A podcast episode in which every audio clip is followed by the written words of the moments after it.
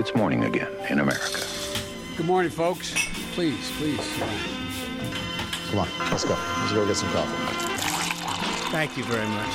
Det er to dager igjen til primærvalget i South Carolina, fem dager igjen til supertirsdagen, og morgenkaffen er servert. Joe Biden fikk i går en veldig viktig støtteerklæring.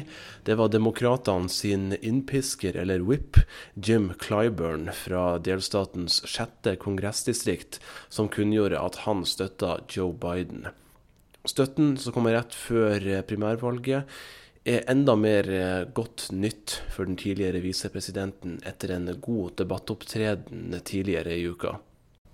Da jeg så Biden tale i Georgetown, South Carolina i går, så trakk Biden frem noe Clyburn hadde sagt tidligere på morgenen, nemlig at Clyburns nylig avdøde kone var henrykt over Biden, en stor støttespiller av Joe Bidens kandidatur, og at det påvirka Clyburn sin avgjørelse. Jim Clyburn, and I knew his wife uh, for a long, long time, for 40 years.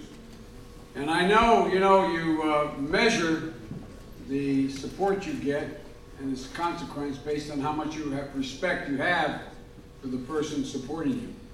There's no one that I respected more than Jim all these years. He's a man of great honor, and Miss Emily was a woman of incredible, incredible character. And uh, the fact that uh, he said one of the reasons why he felt he had to come out and do this was because his wife was such a strong supporter. Det har kommet to uh, nye målinger fra South Carolina. Den ene fra Clemson University og den andre fra East Carolina University. I de to målingene så leder Joe Biden klart på begge, med 35 og 31% oppslutning. Bernie Sanders får 13 og 23 oppslutning, mens Tom Steyer får 17 og 20 oppslutning. Ingen andre kandidater klarer 10% på noen av målingene. Warren får 8 i begge. Pete får 8 og 6, mens Klobuchar får 4 og 2 prosentpoeng.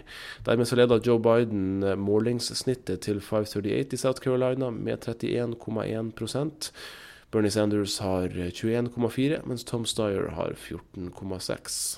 Ifølge Politico så skal Biden-kampanjen ha kjøpt TV-reklamer for et sekssifra antall dollar i en rekke Super Tuesday-stater, hovedsakelig sørlige delstater, som da har mer svarte velgere, som passer Biden bra, der han har gode vinnermuligheter. Det er helt klart milliardærene Mike Bloomberg og Tom Steyer som har satsa tyngst på reklamekjøp på supertirsdagen. For Bloomberg sin del så dreier det seg om reklamer til en verdi av 183 millioner dollar, fordelt på de 14 delstatene det er snakk om, mens Tom Steyer følger et godt stykke bak med 35 millioner dollar. Det er uansett dobbelt så mye som det Bernie-kampanjen har på tredjeplass, med 13,5 millioner dollar. Amy Klobuchar har kjøpt seg inn for 3,5 millioner dollar i de her delstatene så langt. Mayor Pete bruker 1,6 millioner dollar, og Elizabeth Warren bruker rett nord for 900 000 dollar. For å høre mer fra bl.a. Joe Biden sitt arrangement i går, så går du på patrion.com ampol. For tre dollar i måneden eller mer får du tilgang til daglige valgkampdagbøker fra meg her i South Carolina. Dagens utgave av Morgenkaffen fikk du servert av Henrik-duoen Henrik Skotte og undertegnede Henrik Østensen Heldal.